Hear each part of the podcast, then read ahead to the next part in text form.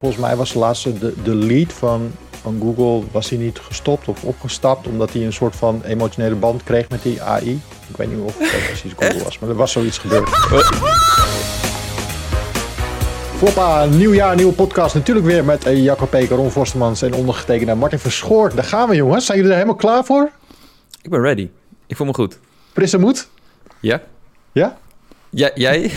Nou, ik ben, ik ben uh, gaar deluxe. Ik ben echt gaar deluxe. Ik ben eergisteren teruggekomen uit Las Vegas voor CES. Daar gaan we het zo uitgebreid over hebben. En um, ik heb daar sowieso heel slecht geslapen. Uh, en dan Oh. ben je er... ehm, ja, je hebt, heen had ik ook last van, uh, van jet lag. Ik werd om 12 uur wakker. Ik werd om 3 uur wakker. Om 4 uur wakker. Elke uur word je er wakker. En dan terug, uh, dan ben je net een beetje gewend en dan heb je hem weer. Maar dat, dat is wat het is. We, we kennen het allemaal, want wij zijn, uh, nou ja, uh, afgelopen twee jaar niet zoveel, maar daarvoor zijn we heel veel op reis geweest. En dan ben je net te kort om te wennen. En dan kom je weer terug en dan komt hij twee keer zo hard aan. Welke, welke hotel zat je? Ik zat in de Luxor, ik zat in die piramide. Luxor, oké. Okay. Oh, je zat ja. in de Luxor, oké. Okay. Nice. Nou ja, je, je, je moet wat kiezen, hè? En, uh, ja, het is allemaal is een beetje, het is allemaal exact hetzelfde. Alleen ze hebben een ander thema. En Luxor heeft een, uh, uh, een Egypte-thema.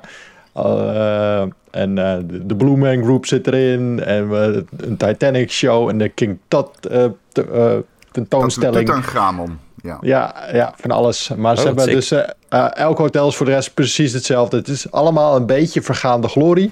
Of je pakt echt, echt die nieuwe nieuwe. Maar voor de rest is het allemaal uh, overal als je binnenkomt. Je wordt meteen om, om je snuffert geslagen met uh, gokkasten. En met ik, ja.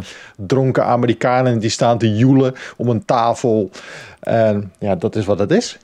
Ik, uh, mijn eerste keer Vegas uh, uit de gate lopen zal ik nooit van mijn leven vergeten. Ik was toen al best, ja, ik zal zeggen, voor de gemiddelde tiener heel vaak in Amerika geweest. Ja.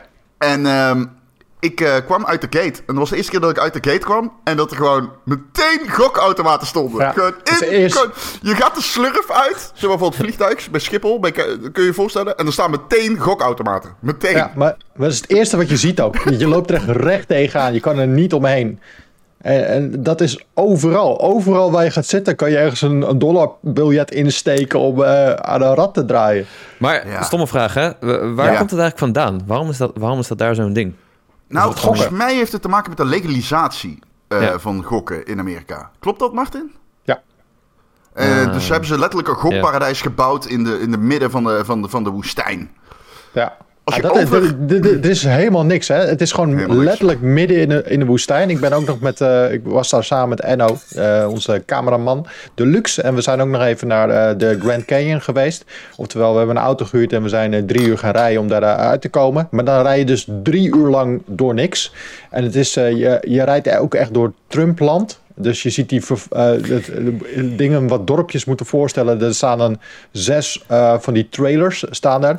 Met gigantische Amerikaanse vlaggen en trucks ervoor. Helemaal vervallen. Uh, maar de Trump-borden zijn hartstikke, hartstikke netjes afgestoft en alles. En dat is waar je doorheen rijdt. Er is letterlijk helemaal niks. En dan ineens midden in de woestijn kom je een berg overrijden. En dan zie je allemaal toeters en bellen en lampjes. En dat is dan Las Vegas. En daar mag ja. letterlijk alles. Je mag drinken op straat. Je mag overal binnen roken, uh, uh, gokken. Uh, het, is, het is een pretpark voor volwassenen. En dat is een paar dagen leuk. Maar daarna ben je er ook wel helemaal klaar mee. Ja, het is Snap mentaal vermoeiend. Ja. zeg maar, er is, zijn zoveel prikkels. En, maar je, je hebt ook inderdaad, als je er overheen vliegt... dat wilde ik inderdaad net zeggen. Als je er overheen vliegt en je kijkt uit je raampje zie je zo mooi de Hoover Dam. Dan denk ik, oh, dat is mooi. Ja. En dan links van de Hoover Dam of rechts van de Hoover Dam zie je een grote vlek. Dat is een schimmel. En dat is, uh, dat is, nieuw, dat is Las Vegas, niet Nieuw Vegas. Dat is Nieuw ja. Vegas. Ja. ja. precies. Maar dat is ook als je naar LA vliegt. Dan heb je gewoon, je vliegt alleen ja, maar over klopt. woestijn. En dan zie je zo, hé, hey, Las, Las Vegas. En dan, hé, hey, daar is LA. En de rest is niks, gewoon wasteland. Maar, maar het is uh, voor uh, conventies zoals deze, de CES, is het perfect. Want het, uh, uh, het, vliegveld ligt zowat in de stad. Um, ja, chill. het vervoer is daar perfect geregeld. Er rijden af en aan shuttlebussen, monorails. Elon Musk heeft daar zijn tunnels gebouwd om files tegen te gaan. Maar dan sta je met je Tesla in de file in die tunnel. Um, dus alles is wel echt goed geregeld. en voor, voor dit soort dingen is het echt ideaal. Want je komt binnenvliegen. Binnen een kwartier ben je in je hotel, gooi je je koffers neer, zit je aan de bar je eerste pilsje weg te, te, te werken.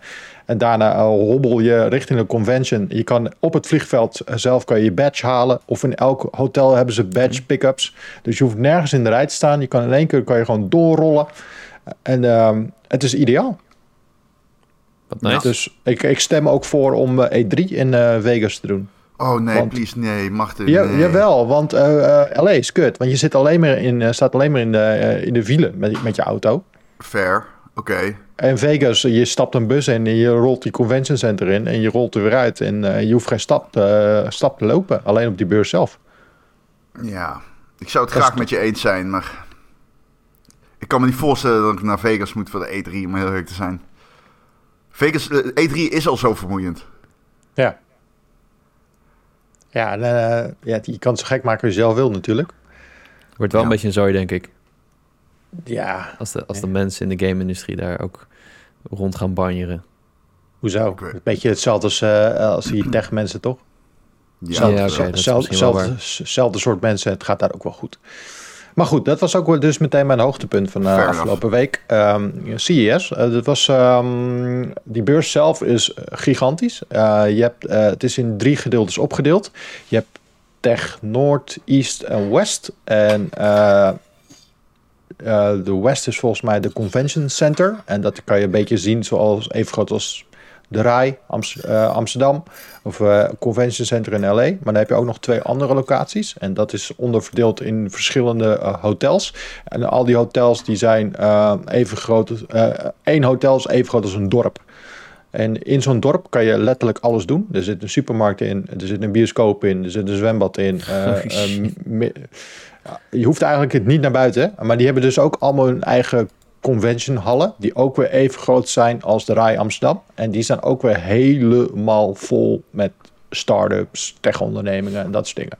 Uh, ik heb me vooral gefocust op de, uh, de convention center, omdat daar uh, de grote merken staan. De Samsung, LG, Sony. dus daar heb ik rondgetippeld, want die andere hallen heb ik twee jaar geleden een keer gedaan en het jaar daarvoor.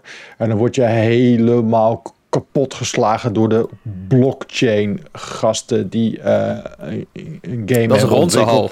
Ron, jij moet naar die hal. Nee, ik ga weg. Ik wil er niks mee te maken mensen? hebben. Nee, dat zijn jouw vrienden, Ron.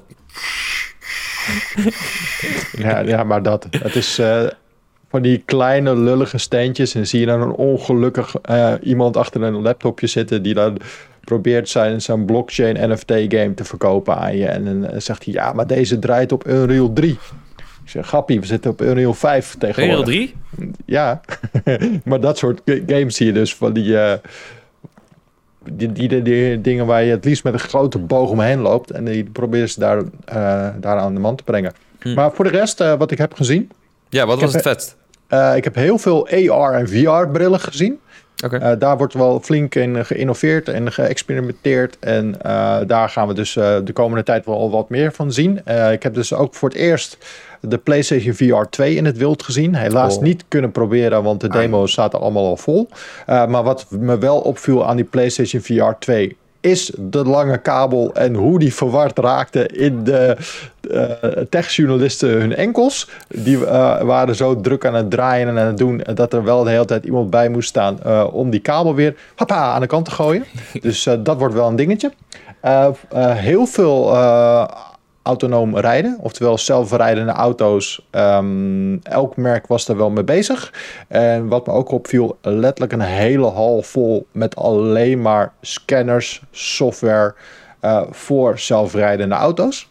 Oh ja. um, dus ze, ze, proberen met uh, uh, man en macht dat te verkopen aan de verschillende automerken. En heel veel automerken, ze stonden er allemaal, de Stellantis, Stellantis groep, Mercedes, allemaal zijn ze daar mee bezig. Ze zijn ook allemaal techniek aan het laten zien met hoe ver ze daarmee zijn. En wat ook wel opvallend was, uh, Honda heeft dus samenwerking met Sony. Die gaan over twee jaar een eigen auto op de markt brengen. Um, en die draait op de OS van de PlayStation 5. Oké. Okay. Oh ja, dat hebben ze verteld inderdaad. Maar daar zit toch ook een PlayStation 5 in? Mm -hmm. Ja. Hij draait gewoon op de PlayStation 5. En die, die, auto die heeft dus aan de binnenkant overal schermen. Wat je verwacht van een, een auto van de toekomst. Maar ook aan de buitenkant zitten allemaal LED-schermen. En dan kan je dus je auto kan je een thema geven. Zoals een Fortnite-thema, Spider-Man-thema. En dan zie je dus voorop je uh, tussen de, je, koplampen zie je dus een uh, Spider-Man heen en weer dansen of uh, Fortnite-personages. En dat heb je ook achterop. Dus je kan je auto kan je een thema geven. En het zag er best wel dope uit. Wauw. Ik vraag me je, altijd... Kun je je auto personaliseren? Dat, dat is cool. Maar ik vraag me altijd af wat je hebt aan een PlayStation in je auto. Zeg maar, je gaat, wat ga je doen? Parkeren en dan. Nee, maar het gaat de, eh, dat zou kunnen, want achter, uh, op de achterbank heb je natuurlijk ook schermen dan. Dus uh, de, de, de, oh, passagiers kunnen dan spelen. Ja. Maar, ehm, maar ze lieten gewoon zien wat ze ermee kunnen. Het is meer mhm. dat die, hij draait op de OS en op de, op de, de hardware van de PlayStation. Dus de, de, software in de auto, dus alle berekeningen die je maakt met de camera's en afstand tot andere auto's en dat soort dingen. Dus laat ze ook meteen zien van oké, okay, Sony heeft de soft en hardware. Uh, Honda is natuurlijk gespecialiseerd in het maken van auto's. En als die twee samenkomen, komen ze met dit. En dat, die auto heet de Avila. En die gaat ook daadwerkelijk geproduceerd worden. 2025 gaat die in productie. In 2026 moeten de eerste al geleverd worden. Oké, interessant. Dus, ja, wordt wel een ding. Want ja, je ziet eigenlijk steeds meer oude bedrijven worden steeds meer techbedrijven. Je ziet het ook wel links en rechts om je heen. Als je alleen maar kijkt naar bijvoorbeeld de supermarkt, dat wordt ook steeds meer een, een soort van techmerk. Want als je kijkt naar bijvoorbeeld een Jumbo of een Albert Heijn, we bestellen steeds meer boodschappen via de app. We gaan niet meer naar de winkels toe en die boodschappen worden bij jou bezorgd. Dus het gaat ook een beetje van hoe is jouw ervaring in app met zo'n winkel. Ja, oké. ja is bij sommige supermarkten heel kut. Die is bij sommige supermarkten heel, heel kut, maar bij sommige ook weer heel goed. Albert Heijn doet bijvoorbeeld echt heel goed. Die hebben een, een dijk van een app gebouwd. Dat werkt heel erg goed. En, um, dus dat gaat steeds belangrijker worden. Dus uh, traditionele bedrijven worden steeds meer techbedrijven. Ja. Dat is wat je, wat je ziet. Heb je ook die, die BMW gezien, die praat? Nee, uh, die hadden ze uh, volgens mij buiten ergens in een hotel staan. Ik kon het uh, moeilijk vinden. Ik heb wel de nieuwe Volkswagen gezien, de ID7. Die hebben ze daar voor het eerst gepresenteerd. Dat is ook okay. opvallend dat de nieuwe auto wordt gepresenteerd op een techbeurs. Dat is een elektrische auto natuurlijk en met een groot bereik. Zij communiceren 700 kilometer, nou trek er ongeveer 200 vanaf. En dan heb je nog steeds een le lekker bereik voor een elektrische auto. En ze hadden daar wel een mooie, ze hadden een spe speciale lak erop gespoten met 40 verschillende lagen. En die, um, die lichten op op de beat van de muziek. Oh, ja, ja. Met, die QR-code. Ja, die, was ja, één, ah. één grote QR-code. Maar ze hadden dus in die presentatieruimte hadden ze, uh, um, ja, hadden ze dus kade muziek aanstaan. En die auto, die lak licht op op de muziek. Het werd dus helemaal zwart. En dan bij een bepaalde toon lichtte een kleur op. Dat is wel, uh, ja, gaat natuurlijk nooit op de openbare weg mogen. Maar um, ja, wel interessante techniek. Cyberpunk ja, shit hoor. Ja, maar ook die BMW die van kleur kon veranderen en waar je ja, mee praten. Ja, was echt ziek. Was echt ziek. Maar dat zag je ook veel, hè? Veel uh, GPT-3-integratie. Uh, ja. Op uh, humanoids uh, en op andere soorten vormen van robots. Dus die, ja, dat wordt denk ik wel een problematisch voor Google. En ik heb nou een beetje voor het eerst ook sinds jaren dat ik denk van dat Google het moeilijk kan, kan gaan krijgen. Want hebben jullie al gespeeld met GPT-3, met ChatGPT? Een beetje, een beetje. Heel klein beetje. Ja, ja, dan kan je gewoon een vraag stellen en je krijgt gewoon één antwoord. That's it. En als je nu een vraag stelt aan Google, dan moet je zelf nog de juiste bron gaan zoeken en dan moet je het zelf gaan lezen. Uh, dus dat uh, ja, GPT-3 gaat straks open in GPT-4. Die, die schijnt nog beter te zijn. En dat gaan ze straks integreren natuurlijk op je smartphone met je Siri, met je Bixby of met je uh, Alexa. En dan hoef je niet met een Google te gaan. Dan zeg je gewoon, hey Siri, uh, hoe uh, maak ik de beste rijst en kip? En dan krijg je gewoon, een, en uh, geef me dat een bullets. En dan krijg je gewoon stap voor stap hoe je dat het beste kan doen. En dan hoef je niet meer zelf te gaan zoeken tussen verschillende recepten wat voor jou het beste is. Hij gaat voor jou kijken wat voor jou het beste is. Ja, terwijl Google is echt al zo lang bezig met AI. Sinds, nou eigenlijk Apple natuurlijk ook met Siri. Maar ik heb, ja. ik heb het idee dat Google ook heel erg bezig is met die Um, met het herkennen van foto's en zo. Dat je in Google Foto's intikt van ja, ik zoek een, uh, een, uh, een, bonnetje of zo. En dat hij dat dan voor je vindt. En uh, ik ben de laatste tijd een beetje. Ik, ik, wil misschien een nieuwe telefoon kopen. En de Google Pixel 7 Pro werd blijkbaar gepresenteerd als een telefoon met die zeg maar scary goed moet zijn met AI. Dat schijnt hij niet helemaal te zijn, maar ja, daar zitten ze wel vol bovenop. Ook met die um, text-to-speech. Dat is een feature die zij hebben. Die, uh, dat je gewoon dingen opneemt en dat hij alles gelijk uitschrijft. En dat schijnt ook heel goed te werken. Ja, maar Google is ook bezig met een eigen, met een eigen AI. En volgens mij was de laatste, de, de lead van, van Google, was hij niet gestopt of opgestapt, omdat hij een soort van emotionele band kreeg met die AI. Ik weet niet of het precies Google was, maar er was zoiets gebeurd. ja, die, die, die, die guy die vond het zo eng worden, omdat hij, ja... Dat, ja, dat soort dingen gaan we wel krijgen. Want je, je, had al jaren geleden. Ik weet niet meer precies wat het met Google was of het een andere. Oh, AI, maar... No ja. way. Lambda, dat heette Lambda volgens mij. Ja. Lambda? maar gast, er was toch jaren geleden ook zo'n Japanner die getrouwd was met een gamepersonage uit uh, niet Virtual Fighter, met die uh, beachvolleybal dingen. Dat was volgens mij was een guy mee getrouwd. Ja, ja door, Dead or Alive, ja. 100% dat we dit soort dingen gaan krijgen. Mensen die echt heel eenzaam zijn. I don't know. AI wordt wel meer... Uh, ja, was in, was in uh, juni. Was het inderdaad een Google-medewerker. En die uh, dacht dat de chatbot bewustzijn heeft ontwikkeld. En die was bang om, om die chatbot uit te schakelen. Omdat die, die guy dacht dat die, die Lambda inderdaad bewustzijn had gekregen. Jezus Christus. Zit je dan achter je pc je monster te creëren? Ja. Aan de andere kant wel chill. Als je echt een partner hebt in AI. scheelt een hoop stress, denk ik. Chill. I don't know, but... Ja. Goed, ja, CS dus. Dat was mijn hoogtepunt afgelopen week. Wat was jouw hoogtepunt, uh, Jacco? Um, ik weet niet. Ik heb niet per se één hoogtepunt, denk ik. Er was al één hele grappige gast in de sportschool... wat ik gisteren tijdens de meeting vertelde. Uh, voor, jou, voor jou kort, Ron. Die gast kwam binnen. Had een zonnebril op, lange jas. Uh, riep uh, goedemorgen heren. En toen plugde hij zijn telefoon in. Vervolgens stond hij tien minuten op zijn telefoon aan de lader. Stond hij daar te staan. Toen trok hij zijn jas uit, legde zijn telefoon neer ging hij dansen door de sportschool. Denk een minuut of vijf. Gewoon met zijn oortjes in dansen. Toen pakte hij al zijn spullen. Toen ging hij achteruit hardlopen op de loopband. Rennen, achteruit. Ja. Maar, nou, dat was uh, een van mijn Wat uh, was dit dan? Wat dacht hij dat hij... Was, het Ik, een, was het een TikToker? Wat, tegenwoordig ja, kun je nooit meer... Er, ja. Nee, niks. Gewoon, ja, was een, een guy rond de 30, 35 of zo. Hij had, had het gewoon naar zijn zin. was een vibe.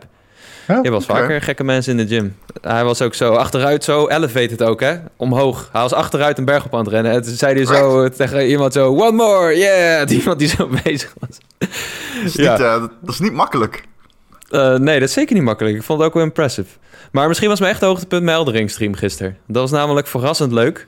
Veel leuker dan ik had gedacht. Uh, ik stream dus op maandag op uh, Power Limited kanaal. En ik ben de laatste tijd een beetje zoekende naar een game. Vorige week speelde ik Final Fantasy, de remaster. Nou, dat vonden mensen niet erg leuk. Maar toen liep ik gisteren de deur uit. Toen zag ik Elden Ring liggen hier op mijn kastje. En toen dacht ik, misschien moet ik die gewoon meenemen. Kijken wat er gebeurt. En toen begon ik.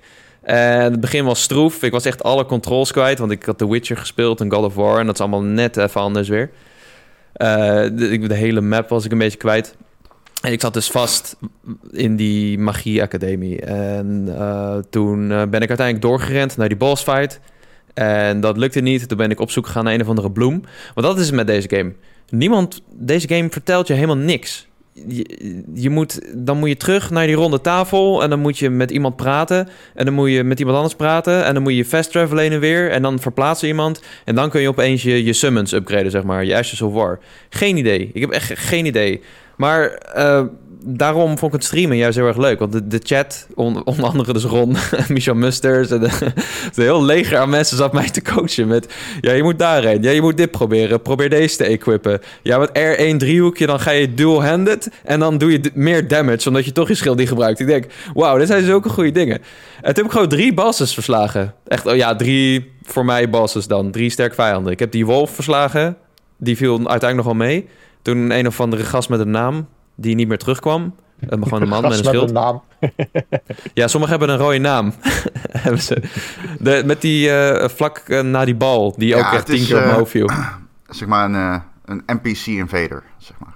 Voor de ja, mensen ja, die Elden Ring hebben gespeeld. Ja, dat. die had ik wel vaak verslagen. Ik, ik, wist wel een beetje hoe dat in elkaar zat. Het is een toen... Lernia voor die, voor die lift. ja, ja. En toen had ik die verslagen en toen ging ik voor de, de Lady de, of de Full Moon. Ja, Renala, Queen of, the Full Moon. Ja, en toen dacht ik dus dat ik de eerste fase had verslagen en iedereen zat, ja, goed zo, lekker gedaan Jacco. En dat was eigenlijk gewoon, dat was niks. Dat was gewoon de prelude. Daarna begon het echte gevecht. ja, ja, ik wilde me echt genaaid, want iedereen zat me te fucken. Mensen wisten het al.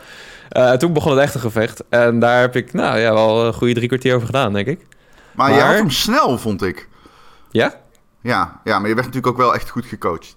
Maar ik, ik werd goed dat, dat scheelt heel veel. Want bijvoorbeeld Michel heeft er echt heel lang over gedaan, weet ik. En die is 20 level hoger dan jij. Hoger dan jij. Ja, ja, precies.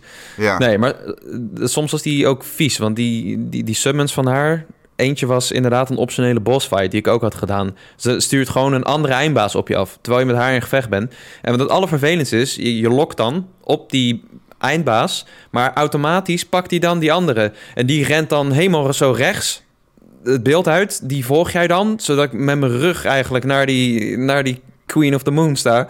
Die me dan gewoon in, in mijn anus loopt te stralen met haar, met haar magie en zo. Eh, dat, dat vond ik echt irritant soms. Daardoor ging ik een paar keer dood. Maar uiteindelijk had ik hem. En dat voelde echt fucking goed. Het gewoon in de laatste vijf minuten van de stream. Ik dacht, yes, yes. Ik geloofde het eerst niet. Ik dacht, ik dacht even dat er nog iets kwam of zo. Maar... Nee, dus maar dat, is, uh, dat, dat was mooi om te zien. En, uh, ja, ja Elden Ring. Late to the party. Maar ik vind het leuk. Ik heb al... Nou, ik, Sorry, nee, ik heb verder. Pardon. nee, ik wilde zeggen, dit soort momenten heb ik al eerder beleefd. Met die allereerste grote eindbaas en zo. Uh, maar ja, ik moest even gewoon door een muur breken of zo. Ik zat helemaal vast in de game. Dit is het punt waar ik bijna afgehaakt was. Ja? Dus, uh, ja. Hierna of hiervoor?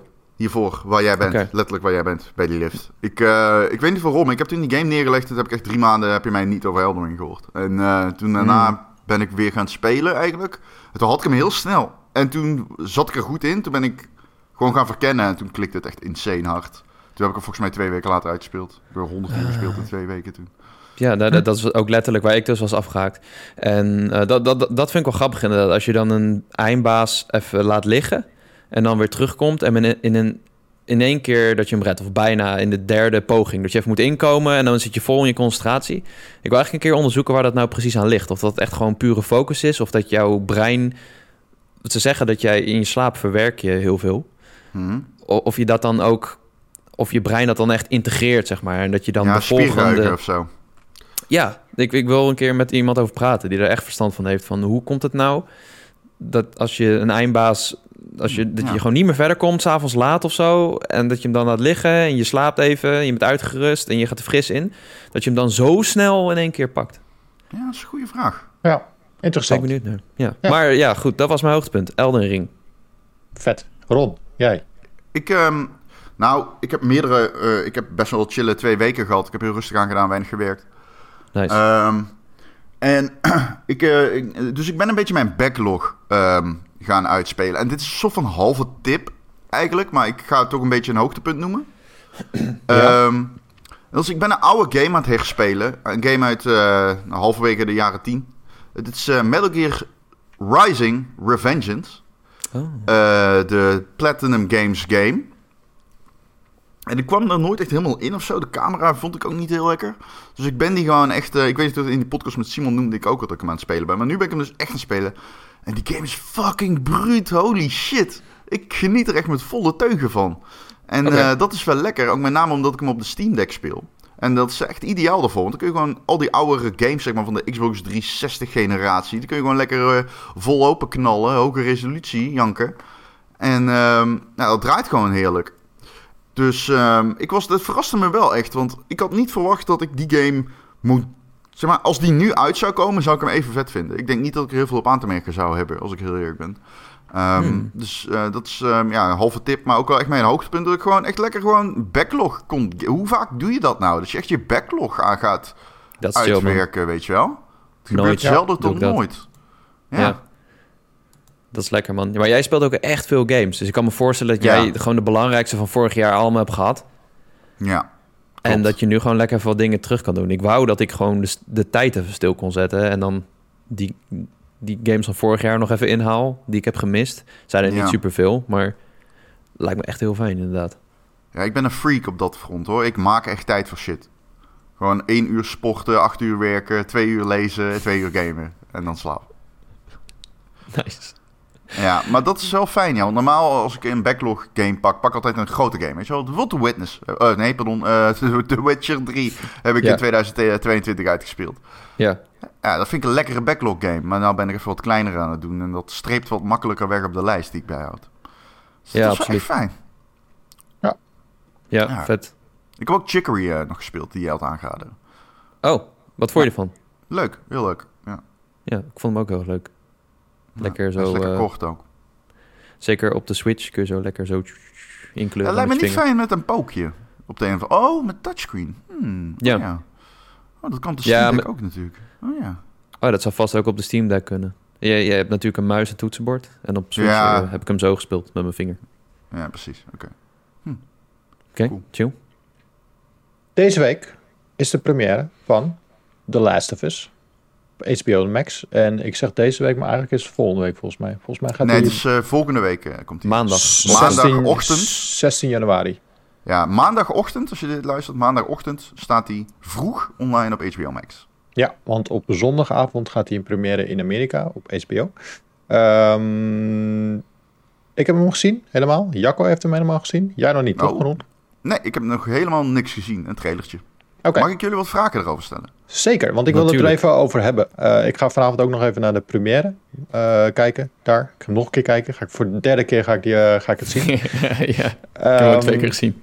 Ja, nou ja, misschien voordat we erover gaan beginnen. Jacco en ik hebben allebei de slechtste versie van de serie gezien, denk ik.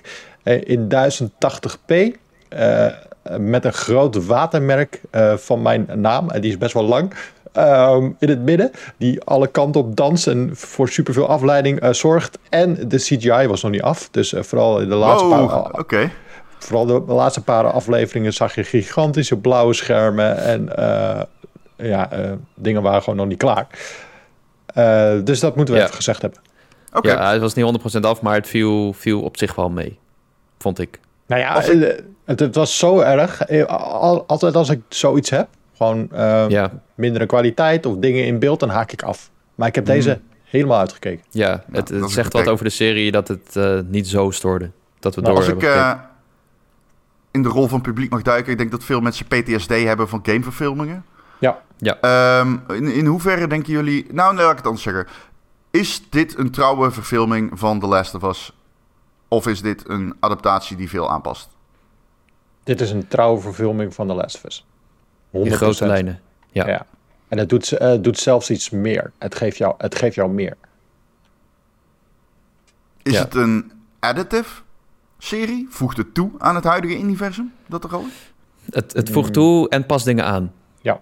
Het, sommige dingen, vooral met bepaalde personages, achtergronden, uh, ook wel hoe, uh, hoe ze eindigen, dat, daar durven ze soms best wel van af te wijken. Wat ik heel tof vind sommige dingen, ook bijvoorbeeld, nou, dat was in het nieuws dat er geen spores in zitten, dus dat ze geen gasmaskers dragen.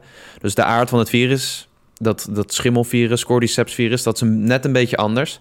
Ik vind dat ze het soms iets te veel proberen uit te leggen, ook voor het grote publiek. Dat is wat mij opviel. Uh, maar dat ook... Ik vond het juist wel meevallen. Ja, nou, er is, ja, ik wil dus niet te veel zeggen, maar er is een als je een game speelt, dan accepteer je sommige dingen wat sneller. Bijvoorbeeld dat jij uh, allerlei klikkers of runners alert maakt op jouw aanwezigheid en dat ze met z'n allen op je afkomen. Maar deze serie vindt daar een hele specifieke verklaring voor. Um, en ja, ik wil niet zeggen wat dat is, maar ja, dat stond me soms een klein beetje tegen. Maar het valt, het valt wel mee. In die zin veranderen ze een aantal dingen en ze voegen ook heel veel dingen toe, inderdaad. Er is heel veel ruimte voor het uitdiepen van personages die je ook kent. Dus deze serie duurt negen afleveringen. Nou ja, het is bij elkaar ongeveer een uur of tien. Dat is heel grofweg dezelfde lengte als part 1, de, de, de game. Uh, Maar die, daar speel je natuurlijk heel veel. Er zijn heel veel gameplay secties. Terwijl dat heb je uh, niet in deze serie. Dus ze hebben veel meer ademruimte om bijvoorbeeld een Sarah, de dochter van Joan, begin op te zetten. Ze bouwen heel erg die spanning op in de intro. Um, Henry en Sam krijgen bijvoorbeeld veel meer tijd dat je hun relatie ziet. En zo, zo doet die serie wel meer dingen. En dat vind ik, uh, dat vind ik erg goed gedaan. Als je fan bent, dan um, zorgt dat voor wat extra's. Maar het zorgt ook gewoon voor dat de personages net zo sterk zijn in deze serie. Als ja, maar niet, voor, niet, alleen voor fans is het, ja, dat, een, is het interessant om te kijken. Want mijn vrouw, die heeft met me mee zitten kijken. En die, die vroeg mij vanaf minuut 1 van, oh, is dit dan een game geweest? Ik zei, ja, die heb ik samen met je zitten spelen. Wist ze niet meer. ze heeft met me mee zitten kijken terwijl ik dat aan, aan het spelen was. Maar ik, had, ik heb de, de Last of Us gespeeld dus jaren geleden op de PlayStation 3. En dat is hoe, hoeveel jaar geleden? Zes jaar of zo, denk ik? Bijna tien. Oh, tien nou, jaar dit jaar. tien jaar. Dus zij, zij, wist er helemaal niks meer van. En zij zat echt geboeid te kijken. En ik had zoiets van, oké, okay, morgen weer aflevering kijken. Zij zei, no way, nu aflevering kijken. Ja, nice. En uh, ze zat er dus helemaal in. En zij kende dat verhaal dus niet. Dat heeft ze dus ooit een keer tien jaar geleden half meegekregen. Ja. Maar ze was wel, oh, maar hoe zit dat dan? Vragen aan het stellen. En dan ik zeg, nou ja, zo doen ze dat in de game. En nu uh, leggen ze dat hier en zo, zo, zo uit. Ah, maar ook, juist ook voor mensen die er niks mee hebben, is het een, gewoon een heel... Ja, die maken nu wel dat, dat verhaal mee van The Last of Us. En ja. op een, denk ik een hele mooie manier. Want wat Jack al zegt, van sommige personages die haast niet aan bod komen in de game, krijgen nu een wat grotere rol. En die worden ook heel netjes neergezet. En ook heel mooi neergezet. Ik denk, uh, nou, wat je net zei, was denk ik een van de hoogtepunten van dit seizoen. Die, eh, die aflevering over die, uh, hoe heet ze ook weer, Henry en Bill. Bill en Frank. Bill en Frank, sorry. dat vond ik een van de vreedste afleveringen. Ja. Nemen ze echt de, tijd voor om die personages op te bouwen en een backstory. En, en daar heb ik echt van, uh, van, van zitten, zitten genieten. Aan het einde zag je, uh, vroeg mevrouw wel van waar zitten we nu eigenlijk naar te kijken? Ik zei, nou ja, in de game zit het zo. En ja, we leren nu wat meer over die twee. En dat vond ik, vond ik juist als iemand die de game wel heeft gespeeld, vond ik juist dope om er wat meer te leren over de, dat soort personages. Ja. ja, want dat was inderdaad mijn volgende vraag geweest: van in hoeverre gaat dit aanslaan bij de massa? Ja, behoorlijk, denk ik. Denk het ook wel, ja. Eh, het, is, het, is, grondmateriaal kan het niet liggen. Het is zo goed. De les was zo'n goede game. Precies, ja. En de acteurs die dit verhaal, die personages vertolken, die zijn ook heel goed. Ik vind Pedro Pascal echt fucking goed als Joe. Ja, die doet het echt heel goed. Ja, Fantastisch. Echt, uh, hij... Ja, dat is wel vaker gezegd, maar hij draagt die serie echt. Hij is echt een uh, oude, gebroken man. En ook door die, dat die intro nog langer is, voel je dat nog meer. En uh, je ziet, hij is misschien nog, nog wel stiller dan in de game. En dat hij hoeft gewoon alleen zijn gelaatsuitdrukking zie je gewoon dat hij zo gepijnigd is en dat hij liever geweld gebruikt dan erover praat.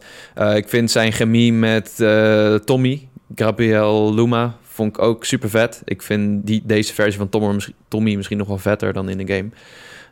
Um, wie nog meer? Ik vind uh, Bella Ramsey als Ellie soms een beetje wisselvallig, maar dat komt denk ik ook omdat ze met haar echt sommige gamescènes één op één overnemen. En wat je aan Pedro Pascal ziet, is dat hij net iets meer zijn eigen invulling aan Joel geeft. Maar bij haar hebben ze echt precies zo'n zo'n shot, weet je, dat ze in het raam zit en dat ze dat dagboek leest.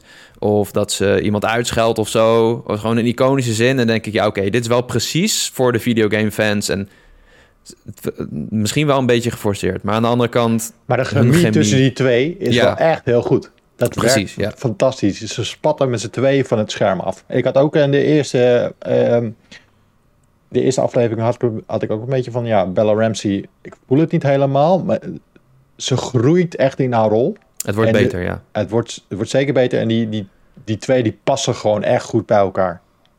Ja. Wat ik heel goed vond aan The Last of Us als game, niet dat dat daarvoor nooit gedaan was, maar The Last of Us deed dat als beste, vond ik. Die game deed dingen die alleen een game kon doen op een manier. Zeg maar, het is een lineair, een lineair verhaal. Het script van de les was leent zich waarschijnlijk heel erg goed voor een serie, omdat het gewoon een heel lineair script is. En als je het één voor één opneemt, dan kom je aardig in de buurt van een normale, aardige serie. Ze hebben natuurlijk dingen aangepast. Maar die game deed dingen zoals jij moest dingen doen die je niet wilde doen, maar omdat het een game is, moest je ze toch doen. Dus je wist van, als ik dit ga doen, naai ik iemand. Maar de game wil dat ik het doe, dus ik ga het nu doen. En ik doe het met tegenzin. En dat zorgde voor een soort van innerlijk conflict. Dat een serie heel moeilijk op kan wekken. Hoe gaat zo'n serie daarmee om? Hoe, hoe verserificeer je die momenten? Nou, ik heb er dus over nagedacht. Ehm, en dat is ook wel handig. Ik heb de review geschreven op Gamer. Uh, ik, ik denk dat ik heb het nooit zo sterk ervaren bij het eerste deel van The Last of Us, wat jij zegt. Het is natuurlijk een, een game. Het is interactief. Jij doet de dingen in plaats van dat je ernaar kijkt. Uh, maar het is niet zoals The Last of Us Part 2, die wat mij betreft echt iets unieks doet met jouw verschillende perspectieven laten spelen van een conflict. En op die manier een soort van innerlijk conflict creëert. Dus um, er zitten zeker wat game-achtige elementen in. In de intro heb je op een gegeven moment dat hun pad is geblokkeerd. Weet je, weet je wat ik bedoel, Martin? Ja, ja. dan wordt uh, Joel en Sarah worden gescheiden van Tommy. En ik heb die scène twee keer bekeken en ik dacht, ja, er is denk ik wel een manier om even om deze auto heen te lopen. Maar omdat dat ook in die game gebeurt, dan is het pad geblokkeerd. Dus er zitten wat van die gekke, quirky dingen in. En ze introduceren ook net als in de game de regels van bijvoorbeeld een klikker. Een klikker mag je geen geluid bij maken. En dat zegt hij dan ook van, zo hoor je net als een, uh, net als een dolfijn, dus we moeten stil zijn. Dat, dat soort dingen. Um, maar zeg maar het hele interactieve, ja, dat dat, dat zit er natuurlijk niet in. En ik denk dat het voor het bronmateriaal spreekt dat het verhaal en de personages zo goed zijn dat ik dat in ieder geval niet heb gemist in deze serie. Ik maar ik ben wel heel benieuwd hoe ze dat met part 2 gaan doen. Ja. Oh, want die komt er. Er zijn hints. Ja. Hmm, oké. Ja, als dit een succes wordt, gaat hij er zeker komen. Dat sowieso, ja. Ja. Ja, je hebt overal kleine hints in deze game serie, Jezus, uh, naar, naar de games. Je hebt natuurlijk ook uh, Troy Baker en Ashley Johnson die erin spelen. Uh, dat was ook al bekend gemaakt. die spelen echt een veel grotere rol dan je denkt. Zeker een van die twee. Wat wel grappig was, ik had het met Cody erover. Hij herkende hem niet. Ik zeg, hoe kun je hem niet herkennen? Ik zat de hele tijd zo te roepen van... Oh, dat is de echte Joel. De echte Joel, daar is hij. En ja, ik vind dat vet. Ik vind het vet. Speelt ook een goede rol. Dus zeker als je van de games houdt, en ja, dat is ook echt genoeg om nog te ontdekken als je het verhaal al kent. Ja, ja het is, uh, deze serie is een van de breedste dingen die ik heb gezien in 2022. En het is nog ineens uit. Nou, ben benieuwd. Het is gewoon echt een, gewoon een goede serie. Nou, ik hoop dat die aanslaat, aanslaat bij een groot, breed publiek. Al heb ik in, mijn, in de krochten van mijn brein, denk ik nog steeds... ergens zouden mensen gewoon die game moeten spelen. Maar ja. dat ben ik. Ja. Snap ja, ik, ja. ja. Ja, het is nog steeds zo'n drempel voor mensen om die game te gaan spelen. Want het is niet, je kan het niet even op je telefoon installeren of zo. Het rijdt niet op elke PC. De, volgens mij is Part 1 nog steeds niet. Ja, maar uh, voor, voor een heel groot, heel groot publiek is gaming nog steeds een beetje van. Oh, ja. Dat is wat mensen doen op de zolderkamer. Ik wil, me, ik wil, ik wil dat niet doen. En hier ja, en ontoegankelijk en eng. Inderdaad. dat is, uh, dat, maar het is toch jammer, want het is wel echt de, magnum opus van gaming verhaalvertelling is voor mij de les was één. Maar, ja, maar het, kan... Het, internet zal straks wel vol staan met haat rond deze serie. Ik denk vooral ja. aflevering 3. Oh, Oké, gaan ze die kant op, zeg maar. Gaan ze leanen ze in, zeg maar, wat de Last of Us 2 uh, een beetje deed. Ja. Snapt. Ja, heel erg. Deze serie die duwt het echt in je gezicht. En mensen die gaan denk ik uh, gaan huilen, denk ik. Die gaan gillend roepen dat ze de serie uh, gaan boycotten en dat soort Oeh, dan ben ik heel benieuwd wat, bij wie meerdere dingen, meerdere dingen gebeuren er. Gewoon, de kast is ook veel diverser en sommige mensen hebben lichamelijke beperkingen en zo. Uh, wat ze ook weer op een vette manier neerzetten. Um, ik ben vooral benieuwd wat je zegt, of het aanslaat bij het groot publiek en of dat ook een beetje zo'n effect heeft wat je zag bij Cyberpunk en The Witcher na, na Cyberpunk Edge Runners zag je ook dat The Witcher weer... Of nee, Cyberpunk weer heel populair werd op Steam. En The Witcher op Netflix heeft ook een soort van effect gehad op die games. Die, die games, The Witcher 3 ging daarna nog veel meer verkopen en zo. En de boeken en zo. Um, dus ik denk dat, uh, dat het erg gunstig gaat zijn voor de franchise. En hoop ik niet dat ze heel veel Last of Us dingen gaan maken. Want we krijgen die multiplayer game. Er zijn nog geruchten over een part 3. Er komt vast ergens een comicboekreeks uit of zo. En voor je het weet heb je een Witcher Blood Origin die echt gewoon fucking slecht is. Ook al zit er heel veel geld in. En daar gaat het bergafwaarts. Dus ja, ik geloof er wel in dat ze die kwaliteit bewaren. Maar ja, je hebt altijd dat massa-effect. En je moet maar net zien of dat goed gaat.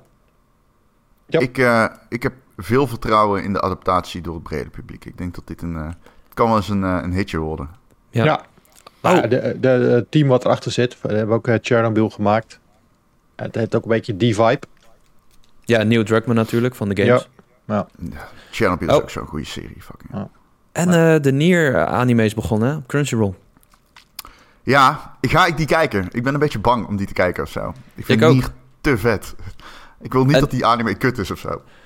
Ja, over, over een game gesproken die verhalen vertelt op een interactieve manier. Ik ben heel benieuwd hoe ze dat... Misschien moet je dan de serie drie keer kijken. dat er dan, als je hem voor de derde keer aanklikt, dat er dan opeens een nieuw chapter is. Dat zou sick zijn.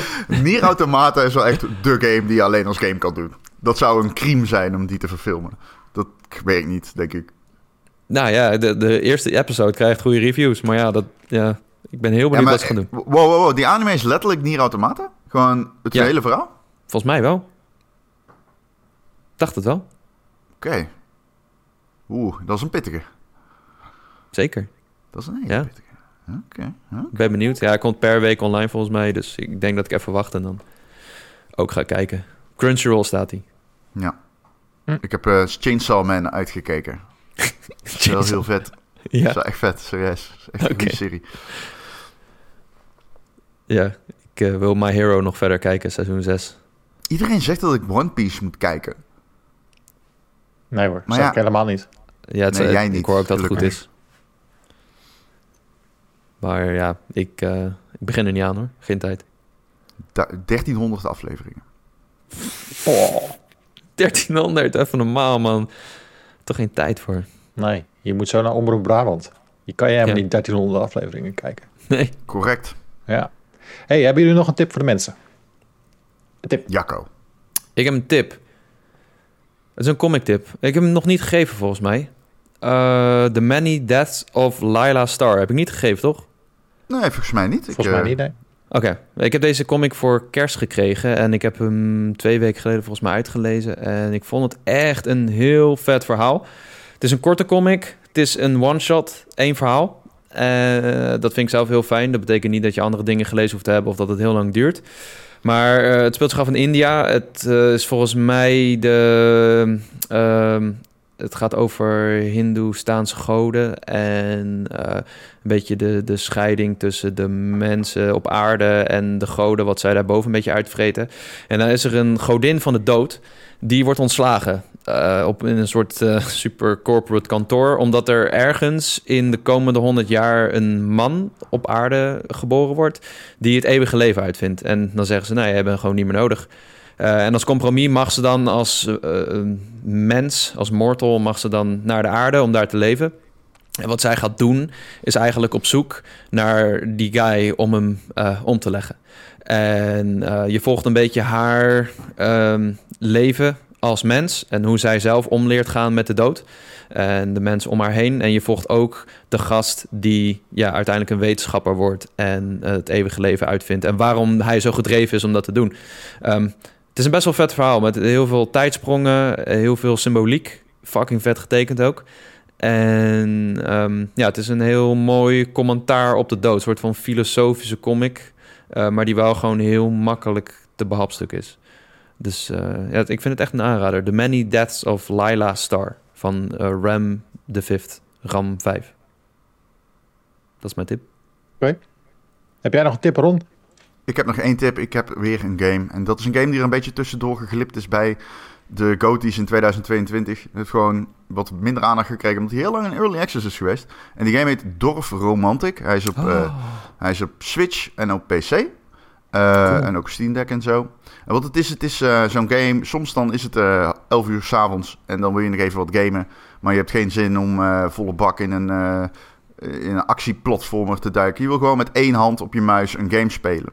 En dat is wel echt waar Dorf Romantic heel erg in gespecialiseerd is. Het is een, een zeg maar, ja, een landscape builder. Je begint gewoon met één diagonaal, een uh, hexagonnetje, weet je al, zo'n zo'n hexagonvakje. En uh, daar leg je steeds nieuwe aan. Dus dan heb je bijvoorbeeld de eerste is bos, dan leg je een bos aan, meer bos. En dan heb je een bos, dan maak je daarnaast een meertje. En dan maak je daarnaast een beetje een, een weiland. Hmm, bouw je een dorpje. Ondertussen vraagt die game van je dat je wat questjes doet. Hè? Bouw hier een dorpje, bouw daar een, een bosje. En de muziek is heel tranquilo. Je wordt er gewoon heel zen van. En het is gewoon lekker. Het is echt een lekker Chill, game. En ik, het mooie is dat het heel erg... Uh, ik weet niet, het geeft me rust op een manier die andere games eigenlijk niet doen. Zelfs al proberen ze dat wel te doen. Ik, het is moeilijk uit te leggen, maar het uh, ja, geneest bijna mijn ADHD of zo. Het is echt, ik ga dat zitten spelen en het is gewoon hmm, heerlijk. Heerlijk. Zou bijna een glas wijn van bij gaan pakken. Ja. nou, goede tip. Ik heb, nog, ik, ik, heb nog een reistip voor de mensen. Ah, mocht je ook een keer in Las Vegas zijn, dan kan je natuurlijk je helemaal kapot gokken, je helemaal kapot drinken. Maar wat je kan doen is even naar Grand Canyon gaan. Uh, word je een poot uitgedraaid omdat je fucking veel, veel geld moet betalen om dat nationale park in, uh, in te komen en om naar een grote berg te kijken, is leuk. Maar er zit een museum in, in, Las Vegas die ik, wel kan aanraden.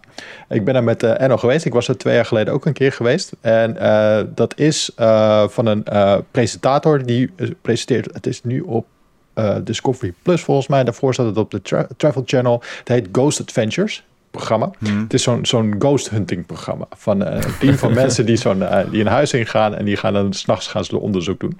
En dat, dat loopt al 23 of 25 seizoenen. En ik, vind dat, uh, ik kijk dat altijd. Waarom ik dat kijk, is eigenlijk meer om de, de, de stijl hoe het gemaakt wordt. Uh, je ziet niet de presentator uh, die wordt gefilmd door het team. Nee, je ziet het hele team eromheen. Dus je ziet de cameraman, je ziet de geluidsman, uh, je ziet de productieleider. Iedereen leeft mee in die nacht overnacht in het huis. Bij, dus die zie je ook de hele tijd in beeld. En die worden ook op, op punten worden die afgestuurd. En dat, dat vind ik heel tof hoe ze dat hebben gemaakt. En daarom vind ik Jackass ook zo tof. Niet omdat die gasten salto's maken dan keihard pijn doen. Nee, omdat je dat hele team eromheen ziet ziet lachen. Dat vind ik heel tof. je hebt zelf als kijker het gevoel dat je erbij bent. En dat probeerde ik ook te creëren met de seizoenen van Game Kings die ik zelf heb uh, geregisseerd. Dat je ook altijd, iedereen die mee was op opnames, die zag je ook altijd. En de, de cameraman en die, die op dat moment de redactie deed. meestal was het Dennis. Dat, dat creëerde ik ook altijd in mijn afleveringen. En dat vond ik altijd, dat vond ik zelf ook altijd, vond ik altijd het leukste. Gewoon een soort van groepsgevoel. En je had als kijker het idee dat je erbij was. En ja, ja. omdat ik zo bij dat Ghost Adventure ook altijd uh, het idee ben dat ik met die gasten dat huis inga, heb je ook een soort van band met die guys opgebouwd. Dus hij heeft het museum, dat heet het Most Haunted Museum in the World. En wat het is, het is een, uh, midden in een woonwijk staat het. Het is een gigantische mansion met een stuk of 40 kamers of zo. Nee, 36 kamers zijn het. En uh, wat hij heeft, hij heeft uh, over, met zijn reizen over de hele wereld, heeft hij allemaal uh, haunted items heeft hij meegenomen en heeft hij in dat museum geplaatst. En daar heeft hij allemaal verschillende mini-exposities. Dus elke, elke ruimte is zo'n mini-expositie. Maar hij heeft bijvoorbeeld ook een, een serial killer ruimte met allemaal items van Charles Manson. Um, maar echt lijpe dingen. Maar ook van Ted Bundy. Hij heeft hij gewoon de moordwapens van Ted Bundy en de, zijn masker en zijn tas. Uh, uh, John Gacy heeft hij, heeft hij dat clownspak heeft hij van. Het is Jesus Christ. Ja, Heb je wel van gehoord okay. volgens mij, ja. Ja, het is echt sick. lijp. Hij heeft uh, bijvoorbeeld ook, hij heeft, uh, hij heeft volgens mij 300.000 dollar heeft hij betaald voor de, voor de, uh, voor de as van de Porsche, waar um, een Amerikaans, hoe heet hij ook weer, John... James Dean zich mee heeft kapot gereden. Maar ook die oh. Porsche schijnt handen te zijn. Want die Porsche, die hebben ze dan... Eh, iemand anders heeft die Porsche omgebouwd om mee te gaan racen. Die heeft zichzelf kapot gereden. Daarna heeft, eh, hebben ze een motor weer uit die auto gehaald. En die gast die daarmee gereden heeft, die heeft zich ook weer kapot gereden. Toen verdween die Porsche. En hij heeft op een gegeven moment, hadden ze hem weer gevonden. En hij heeft voor pleuris veel geld, heeft hij die as gekocht van, van die Porsche. En dan kan je nu naar kijken. Maar oh, zo, je hebt heel veel van die kleine gekke dingetjes. Met een, altijd een goed verhaal erbij. Um, als je dat museum uh, binnenkomt, het is ook wel, het is meteen een ervaring. Je moet een waiver moet je tekenen. Uh, dat, ze, dat, ze niet verantwoordelijk zijn uh, als je bijvoorbeeld een possession meeneemt en dat soort dingen. en dan ga je naar binnen en je wordt dan rondgeleid in kleine groepjes. Je krijgt iemand met je mee die vertelt alles over het huis. Maar ook... Um, over elke kamer waar je dan binnenkomt. En zo, zo leer je best wel veel over nou, serial killers, maar ook uh, gekke items. En um, het, is, het duurt twee uur. En je zit echt twee uur lang ademloos te luisteren naar dingen die worden verteld. En op een gegeven moment kom je ook een ruimte binnen en dan mag je met een, met, met, met een pop praten. En die gaat dan ook terugpraten. Het is fucking raar. het is een hele vrede ervaring. Ook al heb je er helemaal niks mee. Uh, het is gewoon vreed om te gaan doen. Het is, het is, niet iets standaards wat je gaat doen in Las Vegas. Maar uh, neem er even twee uur van je tijd voor. En je gaat het, uh, Je gaat het fantastisch vinden. Enno, dat heb ik meegenomen bijvoorbeeld, die heeft er helemaal niks mee. Die, die moest ik uitleggen waar we naartoe gingen. Hetzelfde riedeltje wat ik net heb afgeteld van nou, het programma, dat had er niks mee. Maar hij vond het ook fantastisch. Hij heeft gewoon, uh, hij heeft twee lang ook gekeken naar de gekke, quirky dingetjes en uh, het verhaal wat werd verteld en wat die gast allemaal over de loop van de jaren heeft verzameld. Eh, het wordt ook allemaal ondersteund met beelden. En hij is ook door vrienden met celebrities. En dan gaat hij bijvoorbeeld, uh, zie je eerst beelden van hoe hij in, uh, in een ruimte is met Post Malone. En daarna zie je een stukje van, ja, van Post Malone die in de podcast van, hoe heet die Amerikaanse podcaster? Joe Rogan.